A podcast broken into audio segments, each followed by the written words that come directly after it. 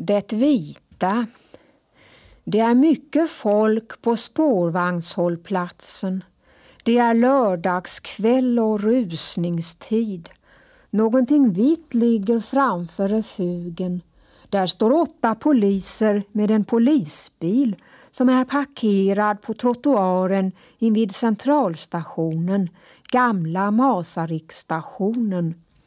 Alla tittar på det vita. Vi stannar också för vi ska ta spårvagnen här. Men vi blir stående och tittar ihärdigt på det vita medan spårvagnen med vårt nummer kommer och går. En ung mor kommer förbi med ett mindre barn i hand. Hon ropar strängt på sitt andra barn, en kanske åttaårig pojke, att komma. Det är inte bra för barn att se det vita. Så går de vidare tillsammans, mor, far och två barn. Det är nog inte så bråttom med ambulansen, börjar vi förstå. Det gäller inte längre livet. Man har täckt över spåren efter olyckan vid hållplatsrefugen. Hon måste ha blivit överkörd av spårvagnen, säger min följeslagare. Under det vita silkespappret, likt det man även slår in kläder i, ligger hon nu stilla.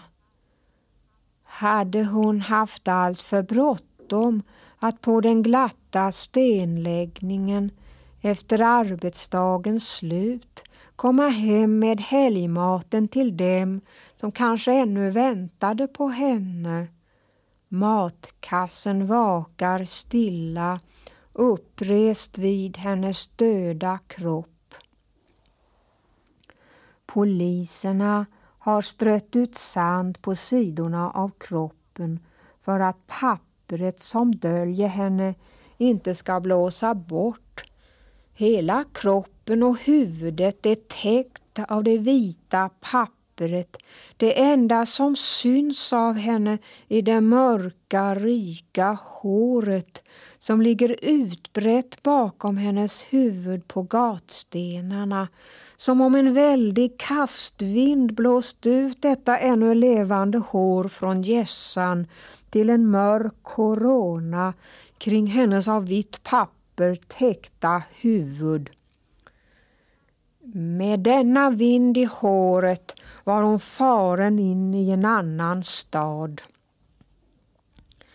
Detta hände i april 1972 när vi skulle ta spårvagnen från Varlovsplatsen till Vaklavplatsen för att se på Prag en lördagskväll.